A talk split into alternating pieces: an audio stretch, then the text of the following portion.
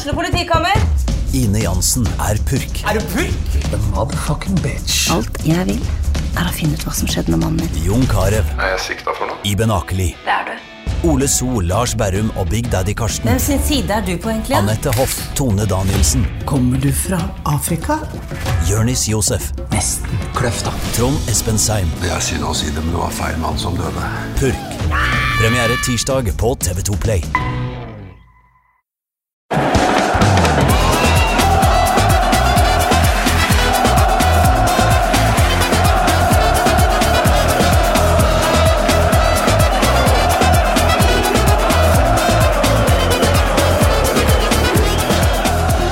Velkommen til en ny episode av Pyro og Pivo. Og i dag så kjenner jeg allerede nå at jeg føler meg mer komfortabel, bekvem, energisk enn jeg har gjort på flere måneder. For jeg sitter i et studio. Og det gjør jeg sammen med Pyro og Pivo-debutant Tore Haugstad. Velkommen. Tusen takk. Du er jo mye, eh, men eh, først og fremst er du kanskje mm, skribent. eh, Og da for NRK og fryktelig mange andre. Ja, ja, i Norge så er det vel mest NRK og av og til Josimar. Uh, og det er det. Men du har en lang internasjonal CV også. Ja, det hadde mye sånn magasiner her og der i, i Storbritannia. og Når man er frilanser og prøver å få ting til å gå rundt, så liksom skriver man litt her og der, da. eh, og, og prøver å skape sammen nok til å få ting til å gå rundt, da. Men eh, ja, de siste tre-fire årene så har jeg vel konsentrert meg om kanskje to-tre store ting som jeg liksom prøver å, å gjøre bra, og så jeg ja, kutte ut alt andre. Og så er du vel eh, involvert, så vidt jeg har skjønt, i eh, denne fantastiske nyvinningen eh, fotball-TV? Det stemmer. stemmer. Uh, hver mandag har vi Englandsposten. Uh, kan vel si såpass at det blir eh, et opplegg i, under EM også. Um, så eh, det gleder jeg meg veldig til. Og mens du eh, nevnte det, så satt en annen i studio og nikka bekreftende. Eh, Det er en annen som er involvert i fotball-TV, Tor Kristian Karlsen. Velkommen tilbake. Veldig eh, close relations mellom folk her. Ja. Connections. Um, tusen takk. Da er det ca. et år siden jeg var her sist, tror jeg. Ja, det blir fort noe sånt. Det det var var i fjor sommer. Rett før sommeren i fjor hvor vi drømte litt om hva som kunne skje i framtida sånn. Så har ting bare blitt verre siden. Ja, det er det. Nei, du- var jo innom eh, denne fantastiske eh, fotball-TV-kontorene du på, i gamlebyen. Ja, det er sant. Og vi snakka litt uh, jul og, og sånne ting. Jul og fotballatmosfære. Ja. Det var den gang. Eh, Hvordan var jula for deg? Det er så lenge siden jeg husker nesten ikke, for å være helt ærlig. Det vel... Det er ingenting som betyr noe lenger. Det var mye av det samme som nå, sikkert. Ja, akkurat helt, Mm. helt vanlig uten noe særlig begivenhet, egentlig. Egentlig siden da har det bare blitt bart på bakken. Det har jo ikke skjedd Ja. noe. Altså, jeg føler at jula er for tre uker siden, Mm. fordi hver eneste dag har vært helt identisk pga. covid og, og alt det her. Så litt rart at vi er snart på sommeren. Eh, Mm. Det, det Nei, er det er- spe- spesielt Det er merkelig, altså. Men uh, vi har hørt en eh, fjerde stemme her også. Vi har fullt studio. Det er jo Når vi først skal tilbake, så skal vi tilbake med et brak. Og det er Ken Vasenius Nilsen som skjøt inn noe fra sida her. Ja, hallo. Hva skal vi si du er, da? Radiopratmaker, eh, forfatter og ikke minst Manchester United-fan. Ja, stemmer. Ja. Så det er jo noen rare dager. ja. Eh, for så vidt spennende dager også. Å være United-supporter nå etter uh, Glazer-opprøret og Liverpool-kampen som ble stoppa rett og slett for ikke så altfor lenge siden. Nå har den blitt pressa inn uh, midt mellom to andre kamper, uh, og det er nok en gang planer om at Manchester United-supportere skal gjøre et lite opprør. som den Liverpool-kampen noen gang blir spilt, ja, det er det ingen som veit. Nei, det blir, det blir spennende. Det er jo faktisk altså nå, Dette er den 189. episoden av Pyro Pivo, ble jeg gjort oppmerksom på uh, utafor her. Og det er nok ganske mange som har hørt de 188, eller av de som eventuelt har hørt de 188 første, så er det nok ganske mange som blir overraska over at vi skal snakke om Manchester United og engelsk toppfotball i dag. Eh, men ikke, ikke nødvendigvis kamper som blir spilt, da. Eh, og vi kan jo egentlig starte med deg, Tore, for eh, Bakgrunnen for denne episoden er jo det som skjedde da United-Liverpool egentlig skulle bli spilt for en tid tilbake. Den ble jo aldri noe av. Hva var det som skjedde? Nei, det var jo en eh, flere, var jo sikkert kanskje over 10 000 Hava-supportere som, som møttes utenfor Old Trafford og protesterte, og så med bannere og sanger og pyro og alt det her, og så klarte noen få hundre da å komme seg inn på eh, banen, på gresset, som på ingen måte skal skje, og så var de vel utenfor hotellet også, The Lowry, hvor United-spillerne var før kampen, og jeg tror ikke de kom seg ut til, ut til spillerbussen engang. Eh, til slutt da, så var det så mye usikkerhet rundt kampen at han ble avlyst. Og eh, jeg leste noen av sakene til, til fansen eh, liksom, som var med der og liksom tok del i protestene, og jeg, jeg tror ikke det var planlagt å, å gå inn på gresset. Altså. Det var liksom bare noe som skjedde, noen sparka ned ei dør, eller så var det snakk om at en vakt som, var, som, som hadde sympati med fansen, åpna døra, og så kom de seg inn. Um, men det som er helt klart, er jo at um, de hadde jo ikke fått like mye gjennomslagskraft og, og effekt av den protesten da, hvis de ikke hadde kommet seg inn på banen. Så jeg tror det var et uhell som i retrospekt var, var veldig positivt for, for det de hadde lyst til å oppnå. da. Det, jo, det gjør det jo litt mer spennende at man ikke veit helt hvordan det skjedde. At det kan være denne godlynte vakta eller eh, et uhell eller eh, hva det nå var. Men eh, vi har jo så for, for så vidt Altså jeg ser jo ofte på engelsk supporterkultur som ganske sånn sedat. At det er, det er sitteplasser og ikke så veldig mye trøkk på tribunene. I hvert fall ikke på de um, største stadionene i øverste liga. Men eh, man har jo sett banestorminger i England, eh, også i si, den moderne fotballens tidsalder. Med gjerne da når eh, sånn type Brentford rykker opp og sånn. Eh, men banestorming uten publikum, Ken, ja. den er ny. Jeg tror jo at eh, grunnen, eller mye av grunnen til at dette skjedde, er nok fordi det er pandemi. Eh, fordi eh, de Manchester United-supporterne som, og det er veldig mange, som er misfornøyd med Glazers, de får jo et slags uttrykk for det ved å gå på kamp. I hvert fall ved å kunne, De kan bruke de gule og grønne flaggene sine og draktene sine, kanskje noen bannere, kanskje noen sanger. Det, er, det, er, om det, ikke er, det blir ikke den samme effekten som det dette hadde, men de får et slags utløp for frustrasjonen sin, i det minste. da. Ja. Ved å se Manchester United spille og kunne rope det de vil. Med en gang det blir tatt bort, så er jo det her nesten den eneste måten å gjøre det på. Hvis ikke du skal bare skrive det på Twitter, så må du ta til gatene som i gamle dager. Godt gammelt fakkeltog, bare uten fakler, på en måte. Men eh, altså, det, det har jo ofte blitt sagt, og det har nesten blitt en slags eh, klisjé, at um, engelske, altså de lokale, ordentlige, ivrige supporterne, de er prisa ut av sine egne stadioner og sånn. Um, hvis altså, vi, vi kan jo si først da at uh, den utløsende årsaken for at dette skjer nå, for det har jo vært lang, lang tid, mange år, med misnøye mot Glazer-familien, Uh, det er jo dette med Superligaen. At eh, det liksom var dråpen som fikk det til å renne over. Eh, men jeg, jeg, jeg klarer ikke å unngå å spekulere i at ja, dersom det ikke var pandemi, da, dersom det var fulle stadioner og altså, alle disse koreanerne og nordmennene og svenskene som fylte stadion, eh, at det kanskje ikke hadde blitt så dramatiske greier. At det er, det er de lokale som har dette i blodet virkelig, som eh, fikk lov å skinne nå. Mm. Ja, men det stemmer nok eh, til en viss grad, det. Og så tror jeg det er Du har jo rett i det at eh, den superliga-affæren var eh, den utløsende faktoren, og at det har liksom ligget på en måte og svulma og ulma ganske lenge, dette greiene her. da. Ehm, men jeg tror jo også at eh, at eh, på mange måter så er det sånn at hvis ikke, liksom, hvis, ikke de hadde, hvis ikke det hadde vært en pandemi, så hadde de aldri fått muligheten til å vise dette her så kraftfullt som det ble. Fordi det er jo folk utenfor Old Trafford når det er kamp, vanligvis. På en måte, og de gjør jo akkurat det samme og står og har disse flaggene sine og sånt, men da, er, da, får de, liksom, da skal de jo inn på selve kampen. Nå hadde de ikke muligheten til det. Um, Derfor så ble det som det ble. Jeg tror også det har noe å si at uh, jeg tror supportere fikk en slags vet ikke om man skal kalle det selvtillit, eller bare et slags engasjement av hele superligagreia når det viser seg at man faktisk kan stoppe noe uh, så Hva skal man si som, Så kraftfullt og som har så mye økonomi bak seg. Bare ved å være en slags sånn fotballildsjel. Da. Jeg tror da tror jeg de fikk øya opp, fordi man har jo prøvd dette her før i Manchester United. I 2005 var det eh, masse protester. I 2010 det samme mot Glazers. Men de eh, ble jo bare sakte, men sikkert liksom dyssa ned, da. Og så til slutt så glemte man det helt, eller på en måte lite grann. Spesielt hvis man ikke bor i Manchester. Ja, og nå er det jo Vi må jo holde på å si unnskylde oss til eh, eventuelle Chelsea-supportere som hører på, for de var jo først ute med å, med å være ute og velte ting. Mm. Eh, Men vi tar jo dette fordi det var jo noe mer dramatisk, og det er eh, litt Det skjedde jo mer nylig. Jeg tror ikke de har så mye mot eh, Roman Abramovic som United har mot Glazerne.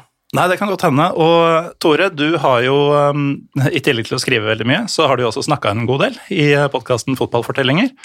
Hvor du og Frode Lia har en egen sesong om eh, eierne til de engelske klubbene. Eh, Hvorfor er Glazer-familien så forhatt blant United-fans?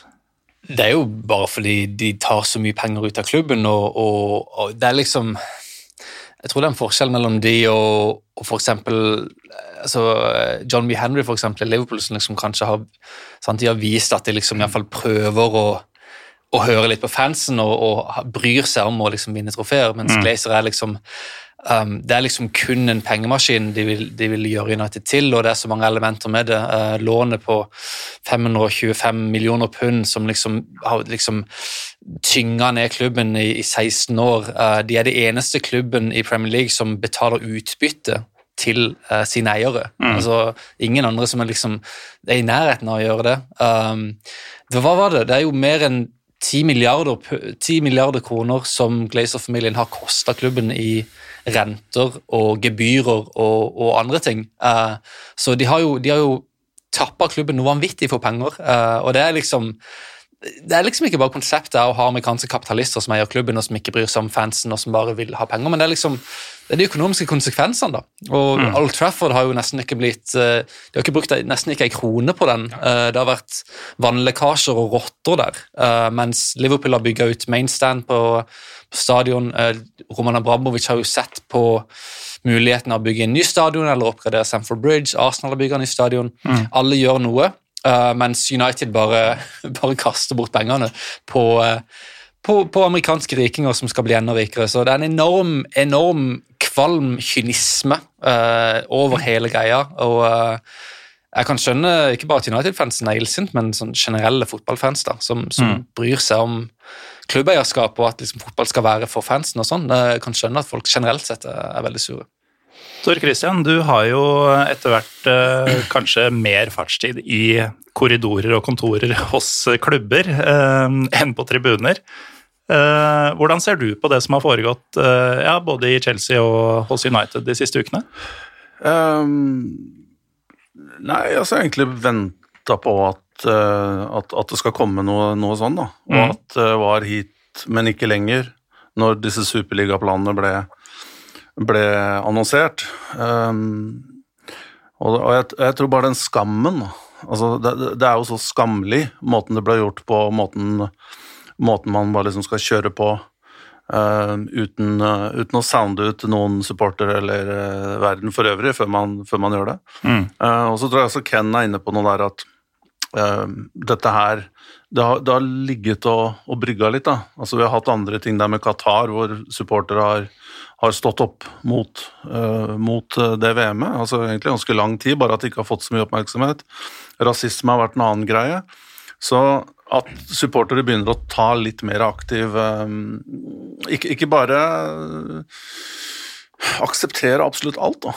Det er jo et, et godt tegn. Og det, jeg har jo egentlig uh, snakka om det i mange år, at ehm, men, det er, men det er en fryktelig vanskelig eh, setting å diskutere dette her. Fordi folk tenker først tenker man jeg er Liverpool, jeg er Manchester United, jeg er Manchester City, jeg er Chelsea, jeg, jeg er Leighton Orient eller jeg er Bayern München.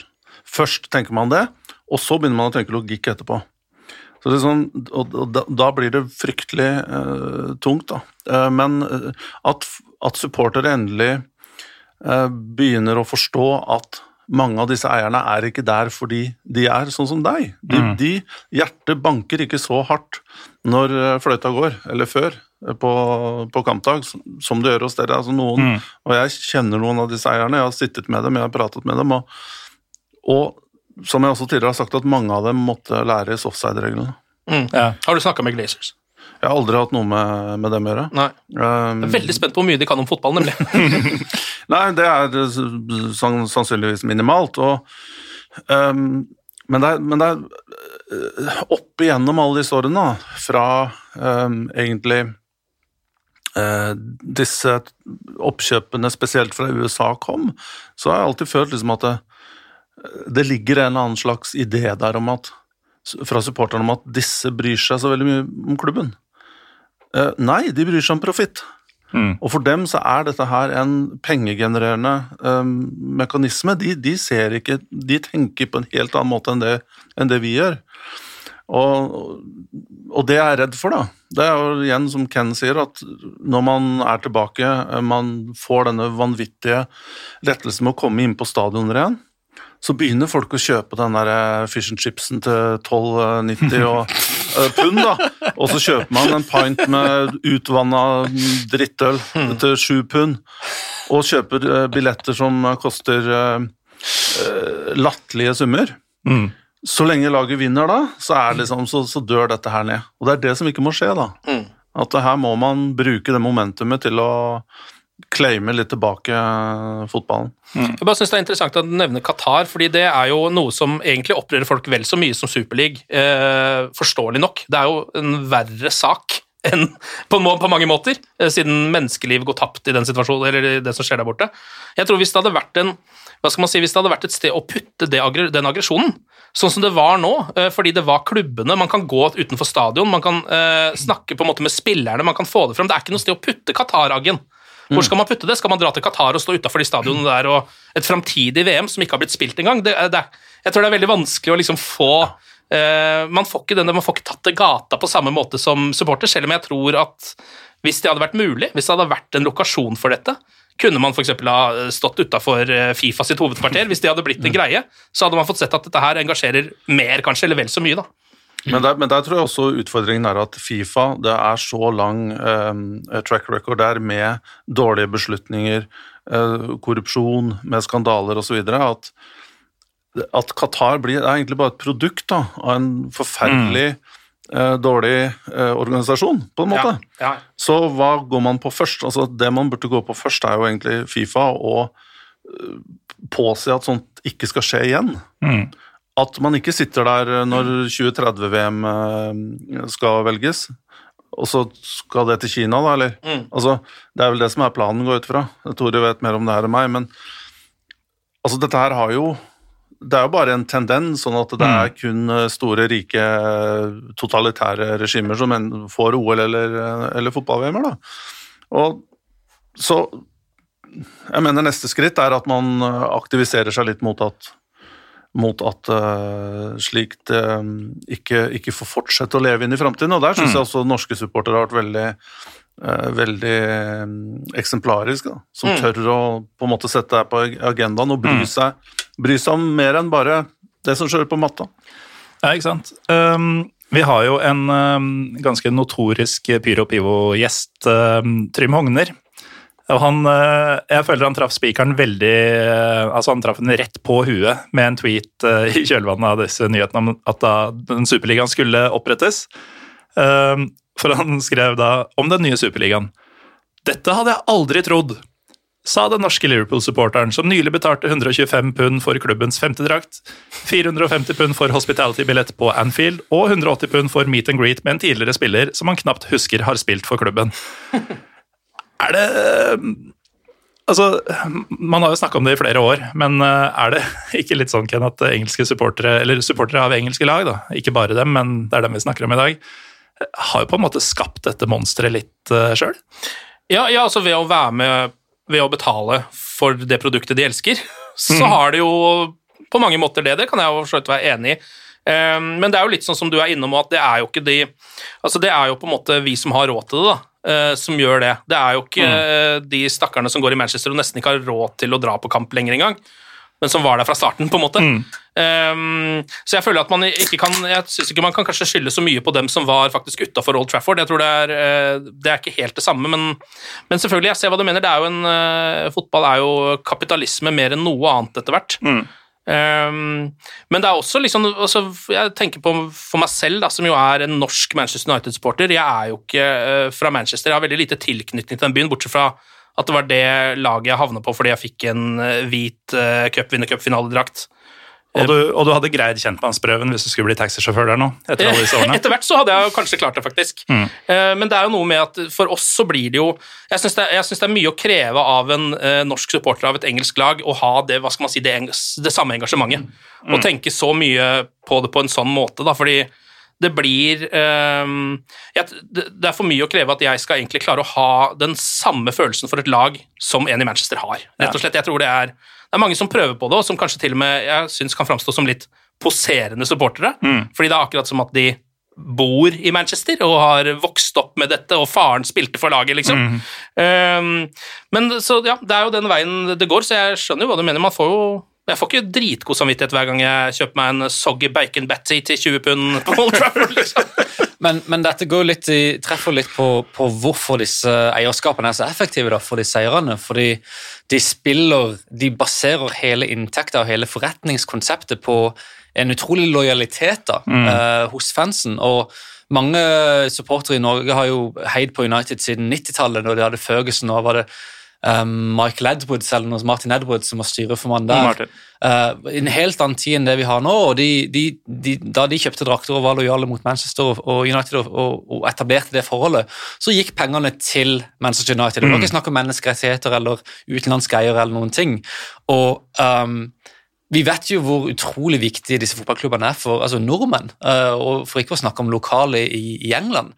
Og det å liksom da forvente at man skal bryte det båndet, jeg syns det er mye å forvente. Um, og um, jeg tror det er vanskelig å overvurdere, eller det er vanskelig å overvurdere hvor, hvor, hvor, hvor viktig del av livet da eh, fotballklubben er for, for mange, inkludert i Norge. Um, så det er det som er så effektivt. Og, og uh, Cronke hater av alle, Glazers hater alle, uh, Mike Ashley hater alle. Men alle kommer på kampene, og alle fortsetter å kjøpe, kjøpe drakter osv. Så, videre. så det er det som gjør det så effektivt. da. Og det, den Tragedien her er jo på Premier League-sida at de ikke har hatt noen, regul, altså noen regler eller noe som kan stoppe hvem som helst fra å bare jeg sier kidnappe da, disse klubbene. Uh, for det er i praksis det det. Ja, det er jo nettopp det det er, og det er jo derfor um, United-fansen var så imot dette Glazer-oppkjøpet allerede før det skjedde. Det var vel et mislykka forsøk også før de faktisk fikk det til, hvis jeg husker riktig. Ja. Um, Gaddafi var vel også involvert der. Ja. Siste som skal kjøpe opp United nå, er jo Conor McGregor. Vi får se åssen det går. Uh, MMA. MMA-fyr. ja, han er så stinn, så I may buy United, skrev han her om dagen. Men jeg tror han har råd til det. Men uh, Gaddafi, sa du? Eller hørte jeg feil? Ja, han var, hva var den? Jeg husker ikke den. Vi hadde om det Vi snakka om det i episoden vår med fotballfortellinger om at uh, jeg, husker ikke, jeg husker ikke hele den greia, men det var, det var jo han der uh, McManus var noen som, noen en irer som, som eide en veddeløpshest. uh, Rock of Gibraltar. Ja, riktig. Og så var havna de i, i krangel med Alex Ferguson, og så skværa de opp.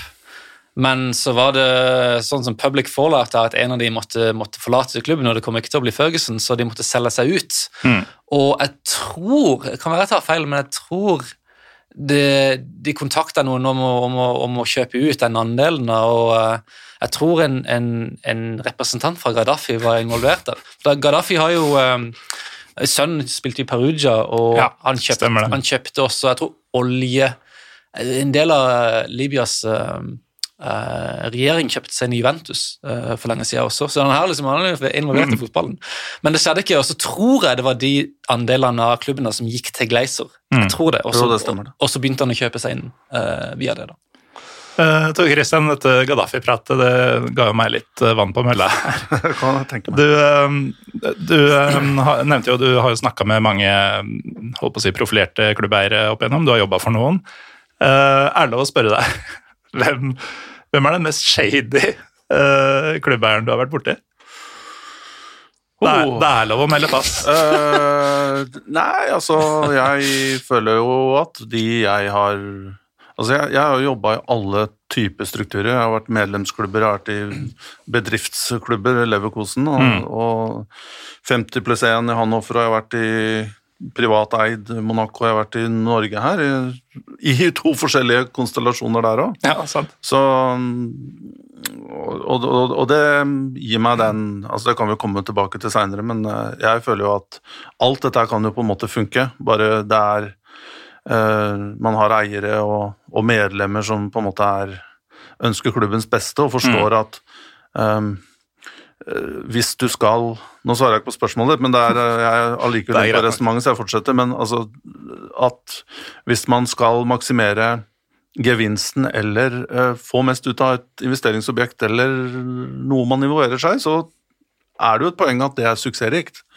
Og jeg kan jo ikke forestille meg at det er noe spesielt behagelig for Crunk eller Glazers eh, at dette her skaper så mye kontroverser, og at man har den kalde fronten her mellom supporterne. Den skal jo være, det skal jo være en het uh, elskov, mener jeg. Um, men um, jeg, jeg har vel vært såpass Jeg har jo truffet noen av disse eierne fra jeg, jeg kan ikke gå inn på navn her, men eh, fra, fra Sørøst-Asia, som har vært involvert litt i England, kommet og gått litt fra klubber der, rykket litt ned og kanskje oppå. Men um, det er ikke Leicester de har ikke truffet, og de er vel kanskje de mest eh, edruelige og, og fornuftige. Og, har, Ja, og til og med populære, kanskje? ja, og de har jo etterlatt seg en altså, De er jo fortsatt involvert der, men de har jo, har jo styrt på en, på en veldig god måte. Men um, jeg, jeg, jeg, jeg tror det er litt mindre Ville Vesten nå i dag, Morten, enn det var kanskje for 15 10-15 år siden. Nå kreves det mye mer for å gå inn i Premier League eller til og med i Championship, både økonomisk og, og profilmessig, ikke sant. Eh, Men så ser vi jo også at, uh, at noen uh, blir stoppa av. Da. Altså Saudi-Arabia, det forsøket på å ta over Newcastle, ble jo eh, ble jo ikke tatt imot veldig med åpne armer, da. Nei, og det, det har nok mye med at eh, vi lagde både én og to episoder om det i Pyro Ja. Det er nok Ja. der, der det stoppa for dem. Der ser vi hvor mye makt eh, du har, Morten. Ja, det er nettopp det. Men uh, Tore, du, um, vi la jo ut på Pyro Pivo ganske nylig på Twitter uh, din omfattende kommentar om det som skjedde på Old Trafford sist. Veldig nyansert og, og interessant. Men Ken, som faktisk supporter, altså, hvordan opplevde du det som skjedde da? Eh, jeg, altså, hadde det skjedd med min klubb, så hadde jeg antagelig sittet fast i en skjerm hele kvelden Ja. med galopperende hjerte uten helt å vite hva jeg håper skal skje videre. Ja, eh, og det var på mange måter det jeg gjorde også. Eh, Det første man tenker, er jo at man bare håper at ikke det blir stygt. Det er det aller første jeg egentlig tenker, at ikke det blir noen som blir skada her. Og det var jo en politimann som ble skada, fikk en flaske i trynet og har et stort kutt som han kommer til å ha resten av livet. Og det er jo helt totalt forkastelig, men allikevel så syns jeg jo at alt i alt så var det en relativt fredelig demonstrasjon. Eh, Politiet kom, så gikk, trakk de seg sakte, men sikkert tilbake. Det gikk ganske fort også, faktisk, når de først fikk den type motstand. Um, og så er det jo litt sånn det er jo forskjellige ting som skjer ute på, på, på matta der. Da. Det er jo en United-supporter som setter et brassespark mot Stretford End, blant annet, som er ålreit. Og så er det en som ødelegger et TV-kamera, som er på helt andre siden igjen. Så det er noe hærverk og noe liksom, vakker fotballentusiasme i en deilig blanding. Etterpå så jeg et deilig heatmap av alle som hadde vært utpå der. Eh, dekk på venstre, eh, gas foran mål, sånne folk. Eh, Men det er liksom, jeg synes jo alltid altså var jeg eh, ganske fornøyd etterpå med at det faktisk ikke ble veldig stygt. da.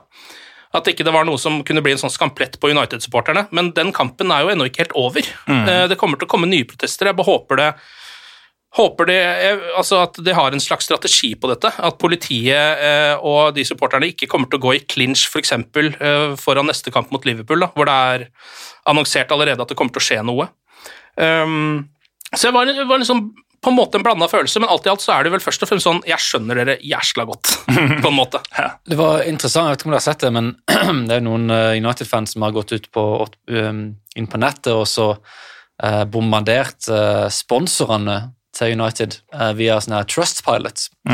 Og det er jo sånn her, eh, Trustpilot er liksom en sånn greie hvor du kan legge igjen kommentarer sånn at folk kan vite om dette, og dette er en, en sånn en side med kred. En side som liksom leverer varene, og som ha, liksom er trygg å kjøpe fra det, trygg å ha med å gjøre, og, og Adidas har jo liksom Trustpilot fins liksom for alt. da. Og så har de gått inn og liksom bombardert uh, alle sponsorene til United da, med én stjerne, sånn at sant, eh, altså de skal bli påvirka av å sponse United. da.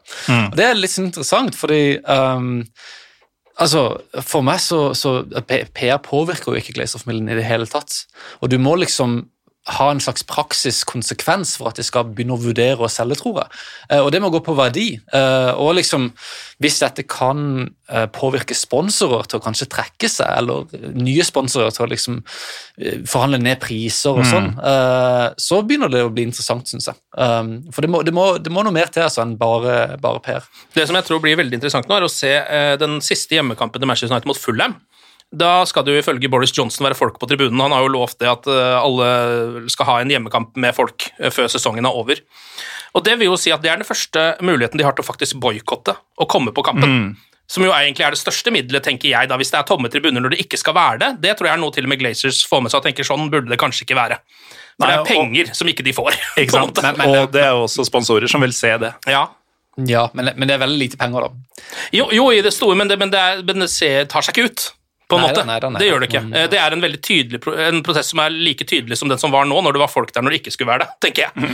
Um, så det blir jo spennende å se om det Og en sånn type boikott er jo vanskelig å få til, fordi halvparten Det er jo sikkert ikke engang halvparten av de folka som skal inn på den tribunen, som var de som sto utafor kampen. Altså, det, her er det jo nordmenn og uh, folk fra alle mulige land som skal inn der.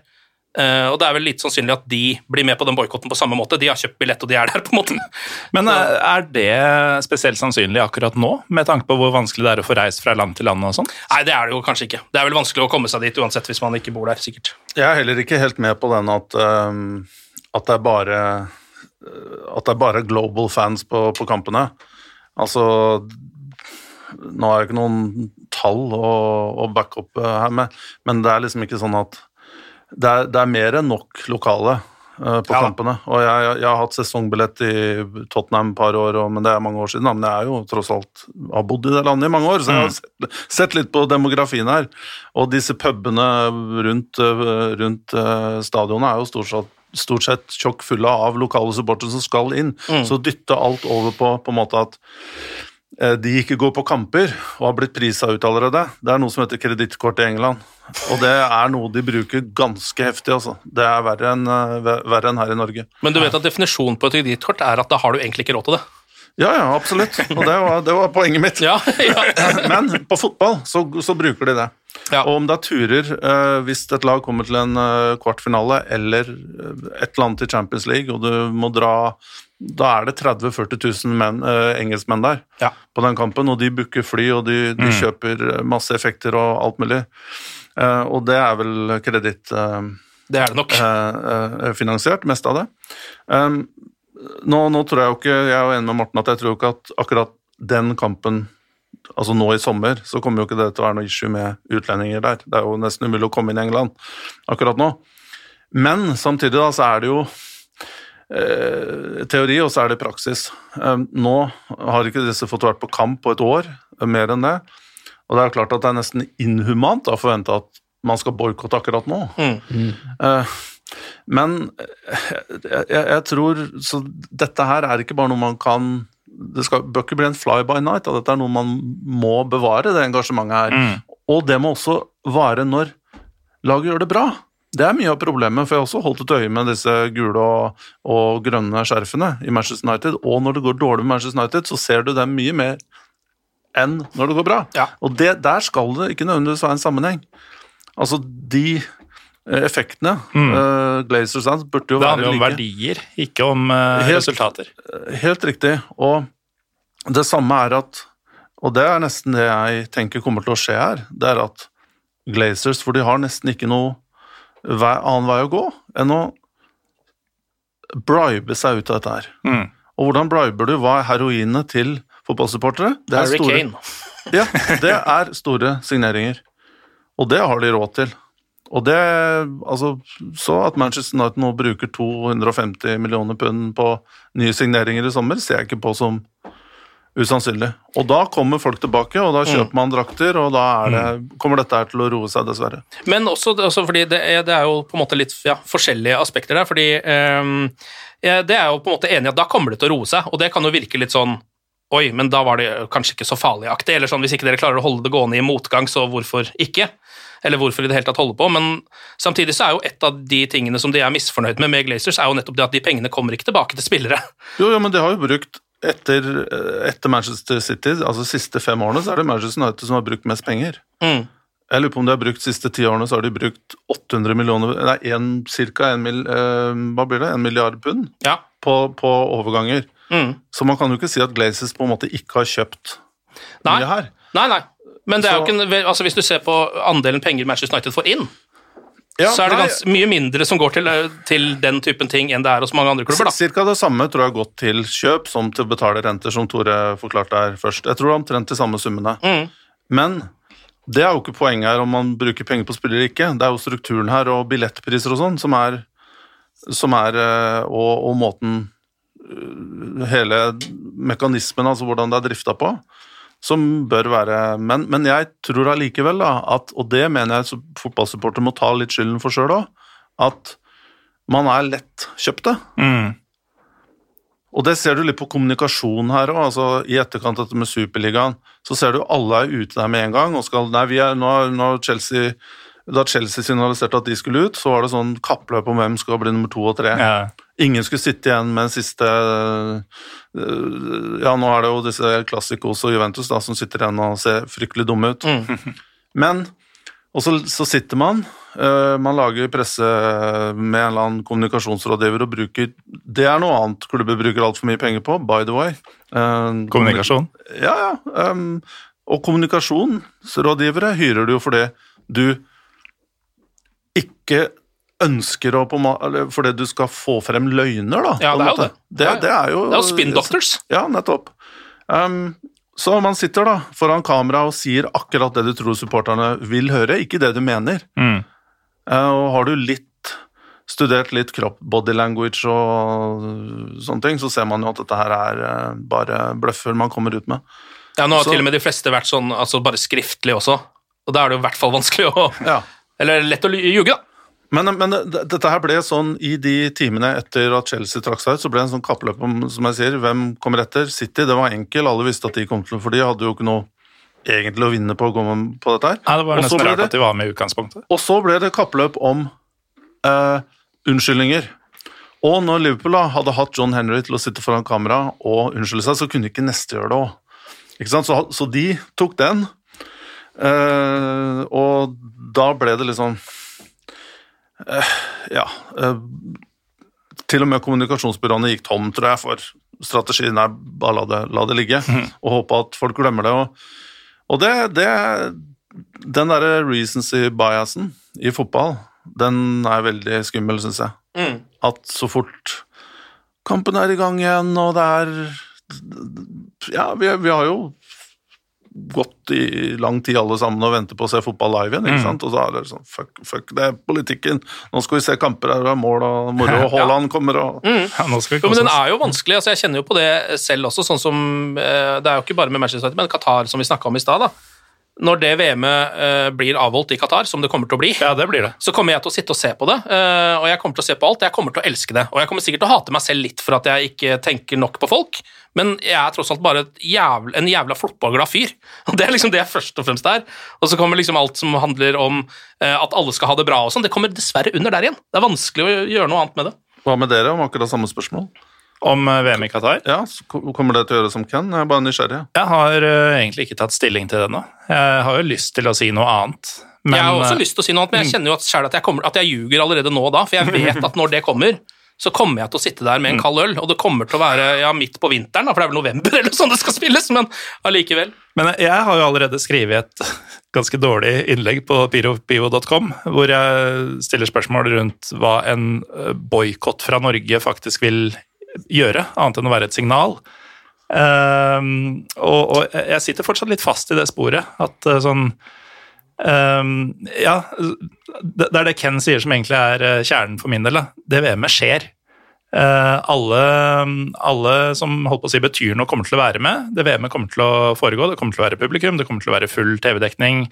Eh, NRK har lova at eh, det skal være litt sånn kritisk søkelys i forkant og under og sånn, men det er jo ikke det fokuset kommer til å være på under mesterskapet.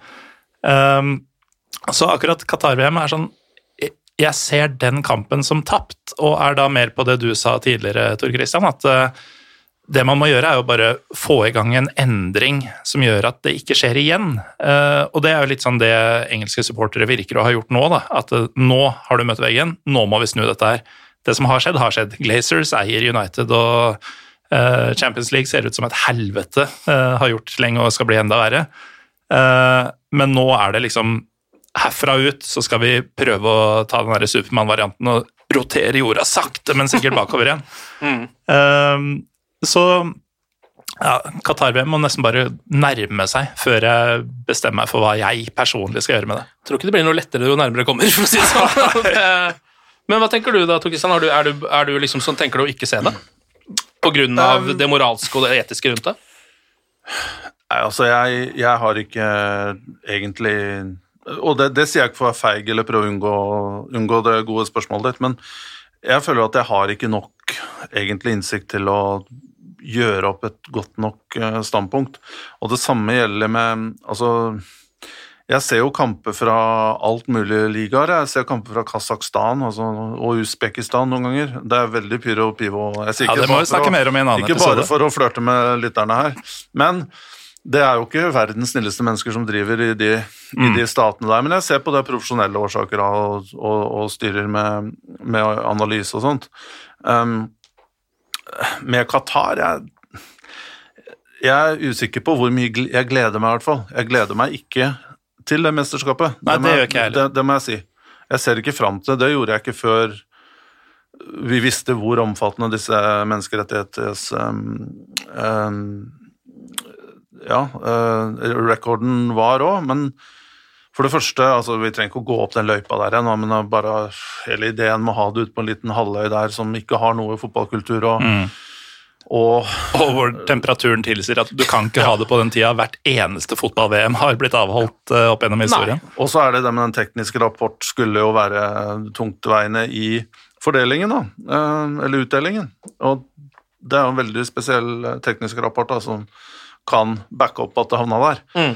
Um, men ja, jeg har dessverre litt sånn gitt opp litt akkurat den. Altså, for meg så virker Fifa som en så tung brikke å flytte. Mm. Så jeg vet ikke om selv den Supermannen som Morten var inne på her, som flytta jordklode, om han klarer å liksom flytte den der, det bygget i, i, i Zürich der. Altså, det, det, det virker så umulig å, å, å klare å og på, på den måten, så hvis det er én ting og, og, og Bare isolert sett Superligaen, noe av det dummeste jeg har hørt om, og jeg er totalt motstander. Men det bitte lille som kanskje er litt positivt med det, det er at, at man turte på en måte At, at, at man eh, på et tidspunkt her turte å sette hardt mot hardt mot Uefa. At her er det noen som tør å bryte ut av hele fotballen. Det er faktisk på bordet her. At noen går helt indie og øh, Ikke indie i sjelen, da, men indie sånn i, uavhengig. Og, og, og gjør noe som ikke altså da, da er jo Fifa og Uefa på en måte ferdig. Ja, de er jo irrelevante hvis dette skulle skje. Men det, det er interessant, og du trenger egentlig bare altså Min Royola vil jo, han vil jo bare fjerne hele Fifaen. Uh, og er liksom, Hvorfor trenger du det? Det geniale med Fifa er jo at de liksom har etablert eh, totalt monopol over hele verdensfotballen. Altså Det er ikke sånn som i um, sånn boksing og sånn kampsporter hvor du har masse forskjellige verdenstitler. Det er kun Fifa, og så har du hele pyramiden går under det. Men uh, det du trenger da for å gå imot Fifa, det er jo egentlig bare nok forbund. Det er for, forbundene som er med på EM og VM. Uh, og hvis du tar det Superliga-eksempelet og liksom sier at ok, du får frem nok eh, nok store europeiske fotballnasjoner, da, Tyskland, England, Frankrike, folk med liksom, som er forankra i liksom demokratiske, og, og, demokratiske verdier, da, som er totalt imot Qatar, og sier at vi lager et eget mesterskap eller et slags eget VM, og så tar de ut de forbundene fra Fifa sitt VM. Hva gjør sponsoren da? Og så sitter du igjen med liksom eh, noen smålag, eller kan, kanskje til og med Sør-Amerika, men du, skal ikke ha vel, du trenger ikke veldig mange store europeiske nasjoner før det har en stor effekt. Da. Uh, så det er kjempeinteressant at det er liksom en slags parallell som vil ha mye mer moralsk støtte da, enn den superligaen. Ja, det er rart, det sier jo litt om nyansen her, at det er liksom en superliga for klubber, det er helt forkastelig, men en superliga for landslag vil plutselig være helt glimrende igjen. det, er liksom, det er egentlig det vi trenger. Sånn er det. Ja, men altså Hadde de europeiske gjort det, så hadde jo antagelig, altså selv om kanskje ikke den demokratiske tradisjonen eh, er like langt levende og står like sterkt i f.eks. Brasil og Argentina, da, så er det jo de lagene de hadde hatt lyst til å måle krefter mot i et mesterskap. Altså De hadde ikke følt seg som verdensmestere hvis de hadde slått Usbekistan i finalen. Nei, Da kan de bare fortsette å spille Copa America, på en måte. Og så, ja. Men da kommer jo det elementet om at eh, Da kommer jo det inn, da, at, at eh, Europa tar på seg den rollen som er altså egoistisk, da. At eh, det er Uefa som, og europeiske lagene som kjører bestemmer verdensfotballen, og det er det man Altså Det er veldig lett å spille et offer her, da, at eh, man legger hele resten av verdensfotballen i grus. Når man først har fått den derre one, eh, one country, one vote, ikke sant, og så skal Ja. Uefa-landene gå Sør-Amerika får de jo ikke med. Altså av grunner jeg ikke trenger å si hvorfor akkurat her. Um, men der kan man jo bare spore opp og, eh, noen år tilbake og se hvordan Qatar-VM ble utdelt. Um, men for meg så fremstår det som en, en slags uh, altså Kafka-aktig. Altså, jeg, jeg, ser ikke ut som det, det, er ikke noen løsning på det her. Så lenge du hadde dette Goal Project med hvor Blatter gikk rundt og lovte alle som stemte han en million dollar eller hva det var, i året, til forbundene. Om det var en bitte liten øy utpå i Polynesia eller om det er Tyskland, ikke sant, så er det jo klart at eh, Så stemmer du jo på han. Mm. du, du, ønsker jo ikke en ny person inn som ikke gir deg det. For at en skal komme inn, så må du jo kanskje love to millioner dollar, da. Så alt handler jo om å bare dette her er jo ikke et, Å velge Fifa-president og velge XCOM handler jo ikke om demokrati eller ideer eller hva du kan bidra til fotballen. Det handler jo bare om hvem som er flinkest nok til å mm. Ja, det ordet Det ordet forsvant. Det trenger jeg ikke å si. Eh, jeg merker jo nå at eh, det har jo um, hatt en kraftig bumerangeffekt at jeg ikke lagde en agenda til dagens episode, for nå veit jeg ikke hva den skal hete. Eh, jeg vet liksom ikke hva kjernen er i det lenger, men hvis vi kan Det er jo en bakside også ved å ha studiotid, og den er begrensa, så vi må nesten dra oss tilbake til kjernen i det vi hadde tenkt å snakke om, i hvert fall. og da lurer jeg på, Tore, når du vet det du vet om både Glazers og for så vidt Liverpool-eierne, om Superligaen og tanken bak den, og det som faktisk skjedde på, um, på Old Trafford da United og Liverpool prøvde å møtes. Uh, hvis du skal synse vilt på bakgrunn av det, hva tror du skjer når de skal prøve å spille kampen på nytt igjen? Ja, jeg, jeg tror de får spilt den, fordi uh, sikkerheten kommer til å være sikkert ti ganger større. Mm. Det blir jo krise for Premier League om, det ikke, om, dette skjer igjen. Så jeg tror han kommer til å bli spilt. Det, det tror jeg. Håper og tror kanskje at United-fansen finner en annen måte å markere seg på. Mm. Um, men jeg, jeg, tror det blir en enorm tabbe for Premier League da, om, de, om de klarer å, å, drite seg ut igjen. Er du mest nervøs Ken, for uh, kamputviklinga eller for uh, kamp, uh, holdt på å si, oppkjøringa? Uh, nei, altså det er jo oppkjøringa. Selve kampen er jo, er jo, så Det er mot Liverpool, riktignok, men det er jo ikke så Den er liksom ikke så viktig? Det er liksom ikke så viktig uh, for Manchester United som den kampen pleier å være hvert eneste år. Um, nå er det liksom andre ting som er viktigere. Den kommer også midt oppi en helt sånn ellevill uh, Det er vel fire kamper på åtte dager-stemning mm. for Manchester United. Så det blir liksom bare én av en hel haug med kamper som jeg skal se i den tidsrommet der, hvis den i det hele tatt blir noe av. Men uh, for å svare på spørsmålet, så er det jo uh, oppkjøringa, eller det som da eventuelt kan skje. Hvis det samme skjer på en måte litt lignende en gang til, altså kanskje ikke at de tar seg inn på stadion, men at det er protester utenfor, men at kampen allikevel til slutt blir uh, avholdt, så er jo det et, et perfekt scenario på mange måter. Hvis det foregår fredelig, de får fram en liten protest, men det fortsatt blir spilt kamp. Men jeg, jeg har liksom litt vanskelig for å se for meg at det akkurat er det som kommer til å skje også. Hvis det er større sikkerhet, større sjanse for at det blir noe klammeri, på mange måter. Masse Manchester United-supportere, masse politi. Det er ikke nødvendigvis en god oppskrift mm. uh, i det sånn som det er nå. Så jeg, er litt, jeg frykter det der litt. Jeg håper liksom ikke at det, at det skjer noe ordentlig stygt pga. dette her. fordi hvis det ikke gjør det, så tenker jeg at det er en at det er en, eh, en, hva skal man si, en god markering, en perfekt demonstrasjon, og noe som jeg skjønner veldig godt at eh, Manchester United-supportere har lyst til å gjøre. Da. Mm. Så jeg håper det holder seg der, at ikke det at ikke det plutselig blir liksom, uh, hva skal man si da, uh, fotballens svar på kongressstormingen, liksom. Uh, dit vil man jo ikke. Nei, for Det er jo nettopp det som er altså enhver form for demonstrasjon. Det er jo den balansegangen. Skal du få med deg en generell opinion og få mm. budskapet ditt ut, så må du holde deg på den siden av noe. Kommer du på andre sida, så taper du. Du gjør da, det. Ja. Og jeg har sett hvordan det her har blitt altså Det blir jo spunnet sånn som all, all mediedekning på en måte blir. Eh, jeg hadde vel inntrykk av at rett etter eh, demonstrasjonen så var det en ganske sånn eh, Altså at det, folk var litt sånn, syntes dette var greit, egentlig, for å si det kort. Men at sakte, men sikkert så kommer jo den politimannsskaden fram, og så blir det spunnet litt mot oi, mm. onde fotballsupportere. Ja. Skumle fotballsupportere. Pøbler. Pøbler eh, 90-talls engelskmenn. Og så kommer hele den litt, litt tilbake igjen, da.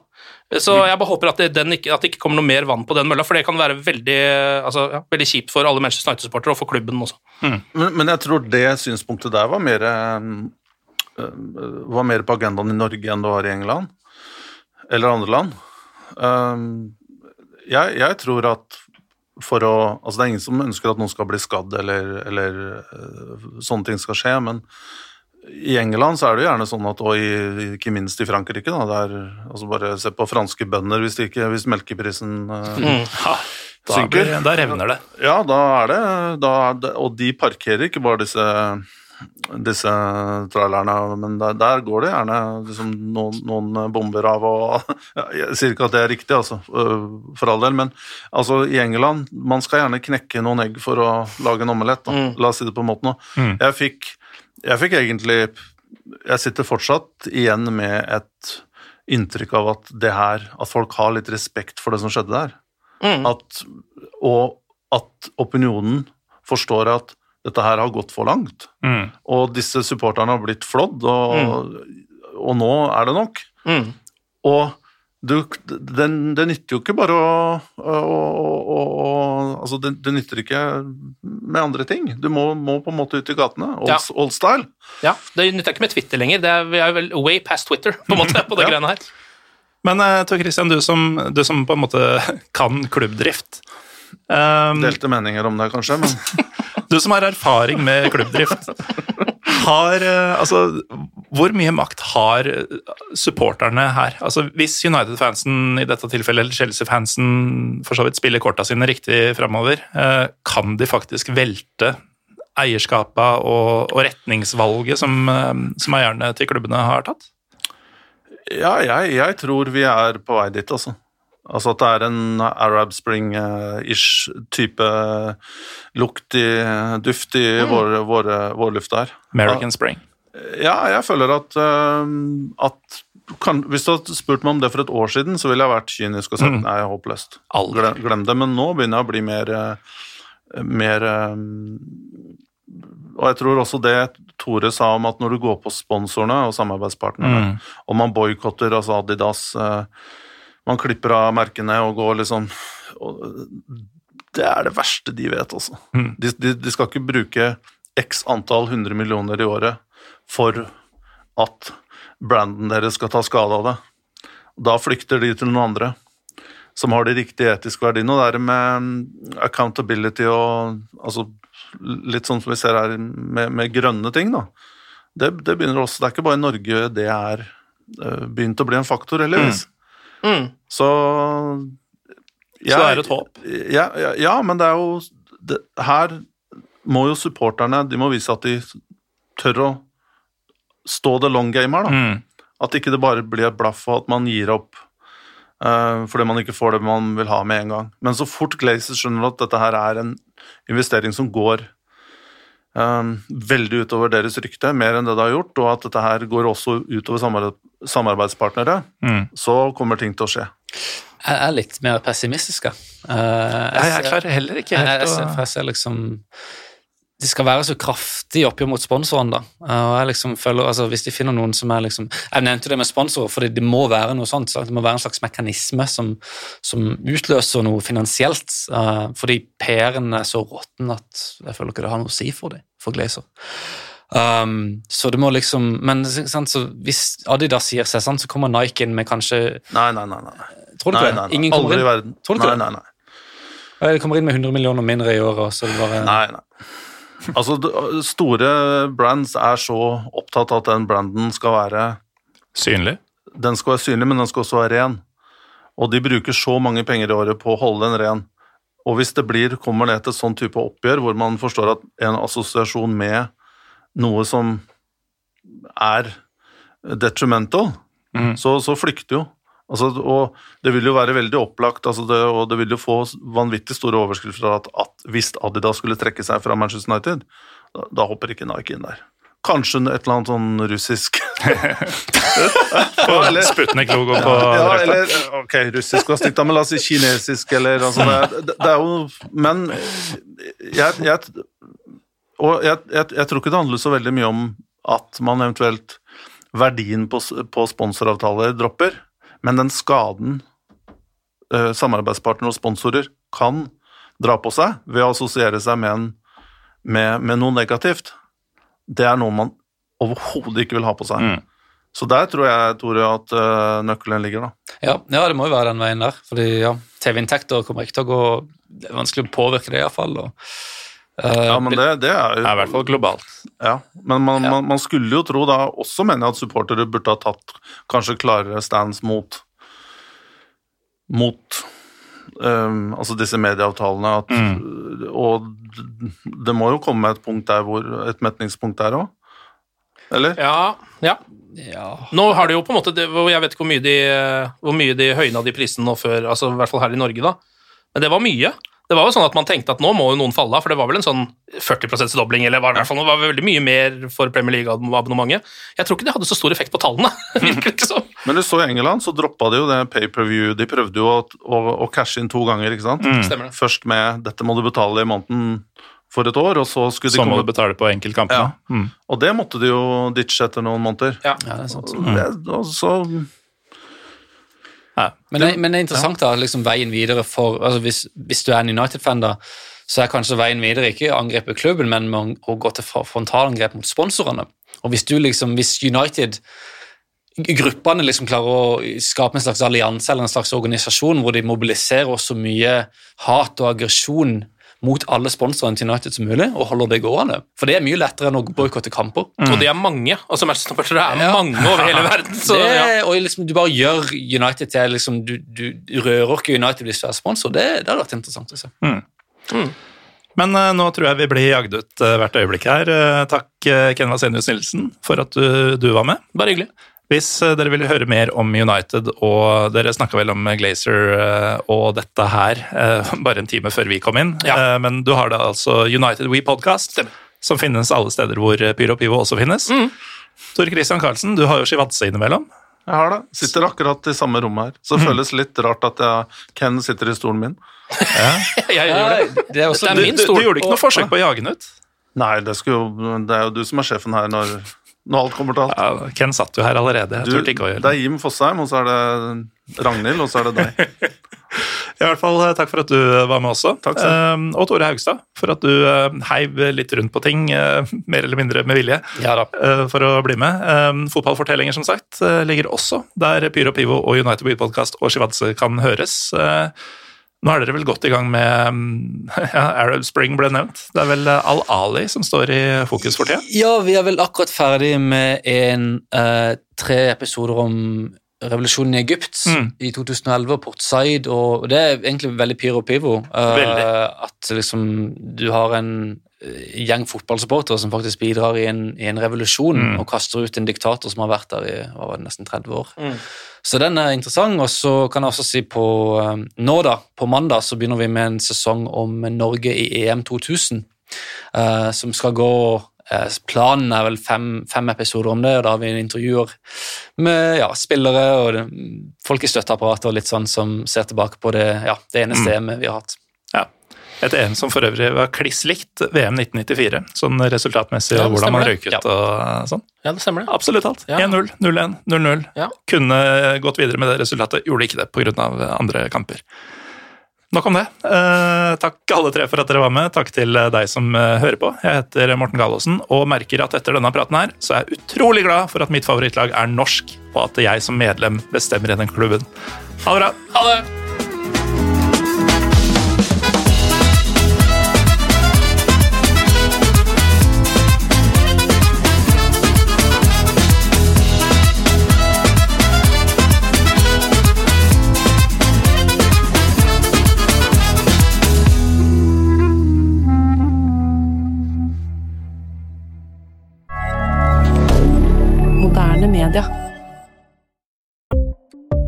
Ukens annonsør er HelloFresh. HelloFresh er verdens ledende matkasseleverandør og kan være redningen i en travel hverdag. Mange av oss har nok vandret i butikken både sultne og uten en plan for middagen, som ender med at vi går for de samme kjedelige rettene gang på gang. Middag burde være dagens høydepunkt. Som HelloFresh kan du nå velge mellom 25 ulike retter hver eneste uke, eller få HelloFresh til å sette sammen menyen for deg. Dette gir deg muligheten til å prøve nye og spennende retter alene eller sammen med familien. Du velger antall porsjoner og får alt levert på døren på et tidspunkt som passer for deg. Oppskriftene er enkle, og maten er lett å lage både for store og for små. Ved å få alt levert hjem får du også mer tid til å dele matgleden med familie og venner. Kanskje det frister med asiatiske tacos eller greskinspirert kylling? Da kan jeg anbefale deg om å gå inn på hellofresh.no. Her kan du bruke koden FOTBALL og få opptil 1779 kroner i rabatt på de første fem matkastene hvis du ikke har prøvd Hello Fresh tidligere. Du kan også bruke rabatten hvis du har vært kunde og stoppet abonnementet ditt for tolv måneder siden eller lengre. Gå inn på hellofresh.no og bruk koden FOTBALL. Har du et enkeltpersonforetak eller en liten bedrift? Da er du sikkert lei av å høre meg snakke om hvor enkelt det er med kvitteringer og bilag i fiken, så vi eh, gir oss her, vi. Fordi vi liker enkelt. Fiken superenkelt regnskap.